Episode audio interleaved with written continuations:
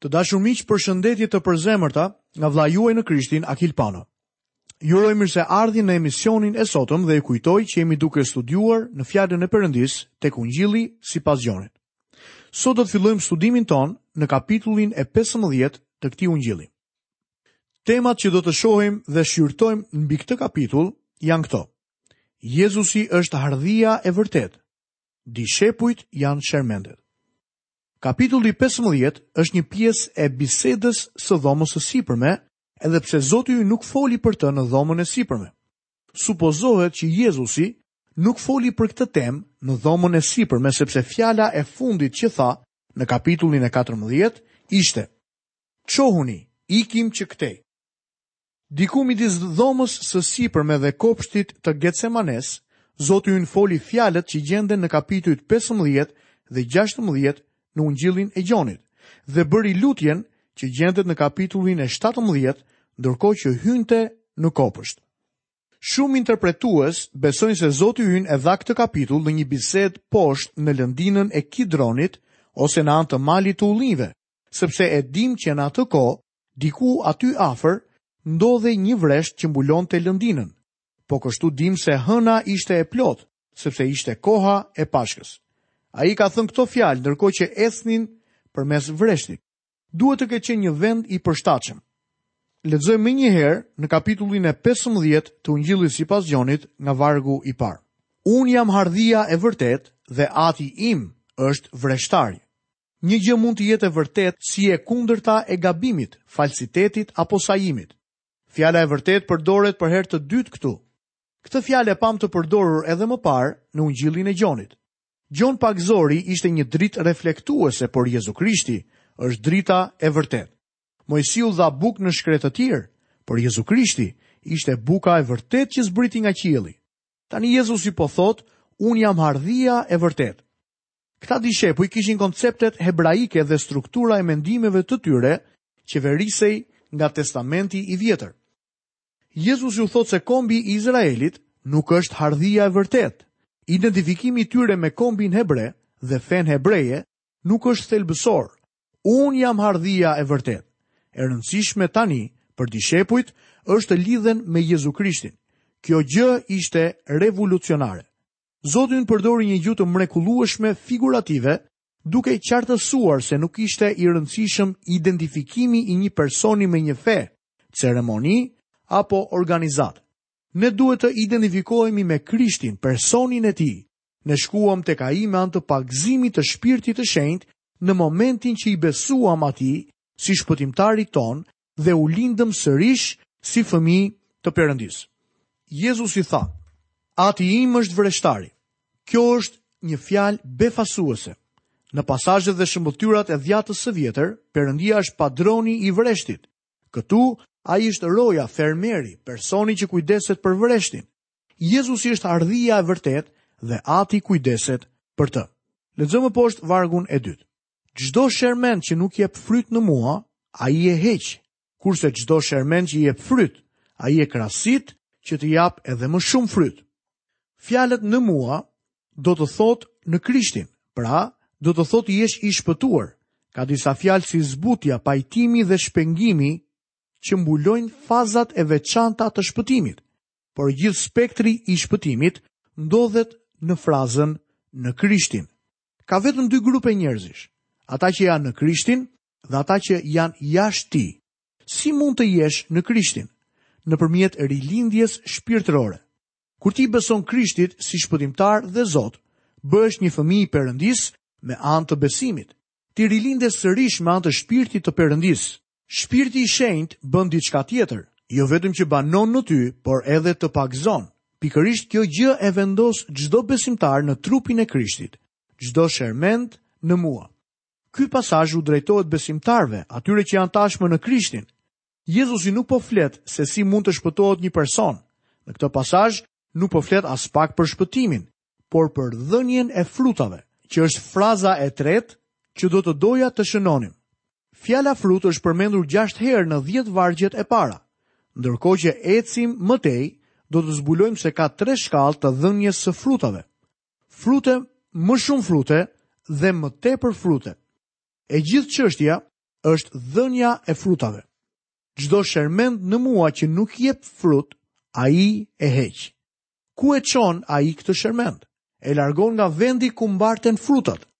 Dëgjoni se si e përshkruan Jezusi këtë në vargun e 6. Në qoftë se ndokush nuk qëndron në mua, hidhet jashtë si shermendi dhe thahet. Pastaj i mbledhin, i hedhin në zjarr dhe digjen. Dikush mund të thotë se kjo tingëllon sikur humbet shpëtimin. Jo, mbani mend se ky pasazh nuk po flet për shpëtimin, por për dhënien e frutave. Flet për atë që është rezultat i të qenit i shpëtuar. Së pari, çfarë është fruti? Nuk besoj se fruti i përmendur këtu i referohet fitimit të shpirtrave, ashtu siç mendojnë shumë njerëz. Besoj që fitimi i shpirtrave është një nënprodukt, por jo vetë fruti. Fruti i vërtetë është ai i shpirtit. Galatasit 5, 22 dhe 23. Por fruti i frymës është dashuria, gëzimi, paqja, durimi, mirëdashja, mirësia, besimi, zemërbutësia, vetëkontrolli. Ky është fruti i vërtetë në jetën e besimtarëve. Qëndrimi në Krishtin do të prodhojë lutje efektive, fruta të përhershme dhe gëzim qiellor. Lexojmë vargun e 7 dhe të 8. Në qoftë se qëndroni në mua dhe fjalët e mia qëndrojnë në ju, kërkoni çfarë të doni dhe do t'ju bëhet. Kjo është lutja efektive. Në këtë është përlëvduar ati im që të jepni shumë frut dhe kështu do të jeni dishepujt e mi. Ky është fruti i përhershëm.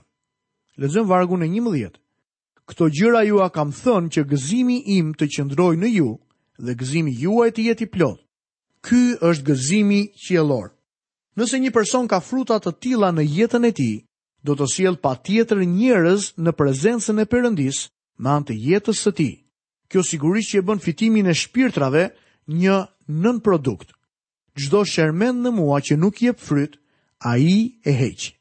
Ai dëshiron fruta në jetët tona. Nëse një shermend nuk jep frut, si e largon ai? Një mënyrë është duke e larguar një person të tillë nga vendi i dhënies së frutave. Njoh shumë njerëz që janë larguar sepse nuk ishin më efektivë për Zotin. Largimi i këtij shermendi nuk do të thotë se ai person humbet shpëtimin e tij, por që hiqet nga vendi i mbartjes së frutave. Ndonjëherë ky largim nga vendi i frutave ndodh me anë të vdekjes fizike. Besoj këtë ka ndër mend Gjoni tek Ungjilli i Gjonit kapitulli 5 dhe vargu i 16 kur thotë se ka mëkat që çon në vdekje. Një i krishterë mund të vazhdojë të mëkatojë derisa Zoti ta largojë nga vendi i mbartjes së frutave me anë të vdekjes. Anania dhe Safira u larguan me anë të vdekjes nga kisha e hershme, që ishte një kishë e shenjtë, një kishë që jepte fruta. Këta dy gënjeshtarë nuk mund të qëndronin më në atë kishë. Çdo shermend që jep frut, ai e krasit që të japë edhe më shumë frut. Fjala greke për krasit është kathairo, që do të thotë pastroj. Disa njerëz mendojnë që këtu përfshihet vetëm krasitja, por në fakt kryesore është pastrimi. Nuk ka dyshim që Zoti na krasit neve.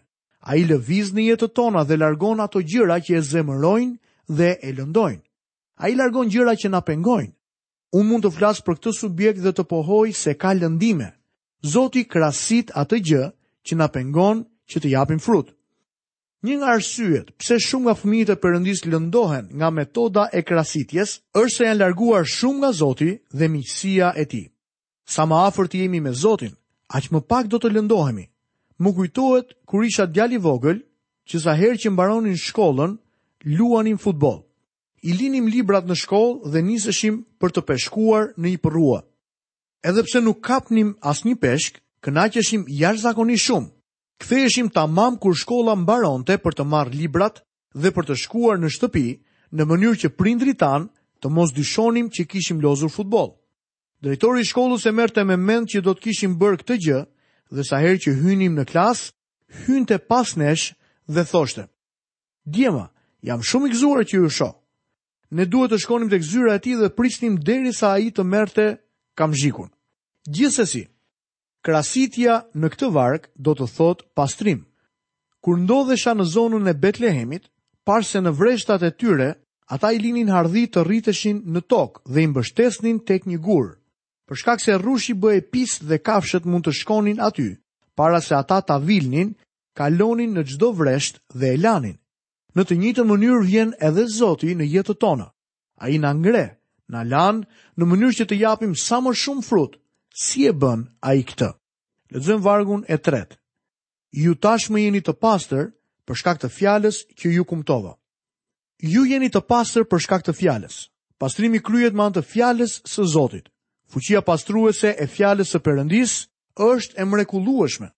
Sot flitet shumë për mrekullitë moderne pastruese të ditës, por në fakt Nuk kam zbuluar asnjë që të jetë aq e mrekullueshme sa pretendohet. Mrekullia e vetme dhe e vërtetë pastruese e ditës është fuqia e fjalës së Zotit. Në letrën e parë të Pjetrit, kapitulli 1, vargjet 22 dhe 23, shohim: Mbasi të pastroni shpirtrat tuaj me bindjen ndaj së vërtetës me anë të frymës, për të pasur një dashuri vëllazërore pa hipokrizi. Të doni fort njëri-tjetrin me zemër të pastër, sepse jeni ringjizur jo nga një farë që prishet, por që nuk prishet, me anë të fjalës së Perëndisë së gjallë që mbetet për jetë. Ne jemi lindur sërish me anë të fjalës së Zotit, ne jemi larë nga mëkatet tona. Duke ecur këtu në tokë, ndotemi dhe kemi nevojë që Fjala e Perëndisë të na pastrojë vazhdimisht. Kjo është një nga arsyet pse duhet ta studiojmë Biblën, që të pastrohemi. Si mundet një i ri të bëjë rrugën e tij të pastër? Duke e ruajtur me anë të Fjalës tënde. Midis besimtarëve sot ka pikëpamje të tilla që një person mund të jetojë çfarëdo lloj jete për aq kohë sa është i bazuar në besimin e shpëtimit me anë të hirit të Zotit. Më besoni, Perëndia do të përdorë Fjalën e Tij për të na zbuluar që nuk po ecim sipas vullnetit të Tij. Testi i vërtetë për të zbuluar nëse një person ka një marrëdhënie të vërtetë me Zotin është nëse po e studion Fjalën e Zotit dhe po e lejon atë ta ndryshojë jetën e tij. Lexojmë më poshtë vargun e katërt. Qëndroni në mua dhe unë do të qëndroj në ju, sikurse edhe shermendi nuk mund të japë frut nga vetja, po qe se nuk qëndron në hardhi, ashtu as ju, nëse nuk qëndroni në mua. Kemi mbërritur në fjalën e tretë që është qëndroni. Të qëndrosh në Krishtin do të thotë lidhje e vazhdueshme shpirtërore me të, gjatë gjithë kohës. Ne sapo folëm për fuqinë pastruese të fjalës së Zotit. Kjo është një pjesë e qëndrimit. Ne duhet të pastrohemi ditë për ditë. Tregohet një histori për një individ predikues të famshëm, i cili quhet Spurgeon, i cili ndaloi një herë në mes të rrugës, hoqi kapelen dhe u lut. Një nga dhjakët e tij që e kishte parë këtë skenë, e pyeti se çfarë kishte ndodhur. Ndërsa Spurgeon tha se midis tij dhe Zotit ishte vendosur një re dhe ai donte ta largonte atë menjëherë, ndaj ndaloi të rrëfente mendimin e tij të mëkatshëm. Ne duhet t'i rrëfejmë Zotit mëkatet tona. Vetëm në këtë mënyrë do të mund të qëndrojmë në të, në një lidhje të vazhdueshme dhe të ngushtë. Për të qëndruar me të, neve duhet të zbatojmë urdhërimet e tij. Lexojmë më poshtë nga vargjet 10 deri 14. Po të zbatoni urdhërimet e mia, do të qëndroni në dashurinë time, sikurse unë i zbatova urdhërimet e Atit tim dhe qëndroj në dashurinë e tij. Ju jeni miqtë e mi nëse bëni gjërat që unë ju urdhëroj. Në librin tonë të këngëve, ka këngë të tilla si Jezusi është miku im dhe nuk ka asnjë mik si Jezusi i përulur. Më lejoni t'ju them me përzemërsi, nuk ka asnjë Jezus të përulur sot, por një Krisht të lartësuar që është ulur në anën e djathtë të Atit. Duke e quajtur Jezusin miku im, bëj diçka sentimentale dhe të gabuar, Nëse do të thoja se presidenti i Shteteve të Bashkuara është miku im, do ta ulja atë në nivelin tim. Nëse presidenti do të thoshte se unë jam miku i tij, kjo do të ishte e mrekullueshme. Dëgjoni çfarë Jezusi tha. Ju jeni miqtë e mi, nëse bëni gjërat që ju urdhëroj. Në ditët e sotme nuk kemi nevojë për sentimentalizma të tilla. Ne kemi nevojë për një zemër të ndershme dhe kërkuese. A po i bëjmë gjërat që na urdhëroi Jezusi. Bindja është çështja më thelbësore. Lexojmë vargun e nëntë. Sikurse Ati më ka dashur mua, ashtu dhe unë ju kam dashur juve, qëndroni në dashurinë time. Të qëndrosh në një lidhje të vazhdueshme, kjo është marrëdhënia e shermendit me hardhinë. Është e rëndësishme të shikojmë marrëdhëniet e pronarit të hardhive me këto të fundit. Ai nuk u thotë kurrë shermendeve që duhet të qëndrojnë tek pema, sepse në të kundërt nuk do të marrë asnjë frut. Gjithsesi kontradikta qëndron se shumë të krishterë mendojnë se mund të jetojnë si djalli gjatë gjithë javës dhe të shtunën në mbrëmje të kthehen tek Zoti, në mënyrë që të dielën në mëngjes të vijnë dhe ta adhurojnë atë. E di këtë gjë, sepse për shumë vjet kam vepruar edhe unë kështu. Miku im, ne duhet të jemi në një lidhje të vazhdueshme me Krishtin. Vetëm kështu do të mund të japim frut. Kjo do të thotë që kur ti ngrihesh në mëngjes, kur ndodhesh në tryezën e zyrës tënde, apo kur nget makinën në rrugë, qëndron në lidhje të vazhdueshme me të. Lexojmë vargun e pestë. Unë jam hardhia, ju jeni shermendët. Kush qëndron në mua dhe unë në të, jep shumë frut, sepse pa mua nuk mund të bëni asgjë. Për shkak se ne kemi vullnet të lirë, ne mund ta thyejmë miqësinë me Perëndinë, duke lejuar mëkatin në jetën tonë, apo duke u larguar nga vullneti i Zotit. Ai dëshiron që të qëndrojmë në të, që të mund të japim shumë frut. Do të vini re se këtu jepet një ngjashmëri me shëmbëlltyrën e mbjellësit. A e mbani mend se disa nga farat ranë në tokë të mirë dhe dhanë 30 fish? Ky është fruti. Ca të tjera dhanë 60. Ky është më shumë frut dhe të tjerat dhanë 100 fish. Ky është shumë më tepër frut. Perëndia dëshiron që ne të japim shumë më tepër frut. Vargu i 6. Në qoftë se ndokush nuk qëndron në mua, hidhet jashtë si shermendi dhe thahet, pastaj i mbledhin, i hedhin në zjarr dhe digjen.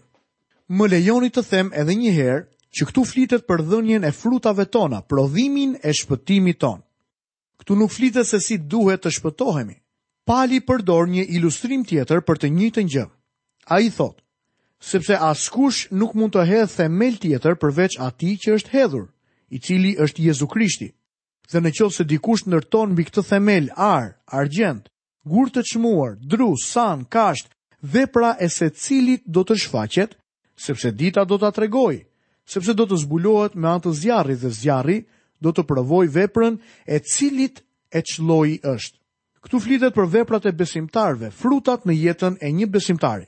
Zjarri do të pastrojë arin, argjendin dhe gurët e çmuar dhe do të heqë pisllëkun. Druri, kashta, sana dhe të gjithë ato elementë të tjerë nuk do të mund t'i rezistojnë dot zjarrit. Besoj që shpërblimi do të jepet vetëm për frutat në jetën tonë dhe nuk jemi ne që prodhojmë fruta.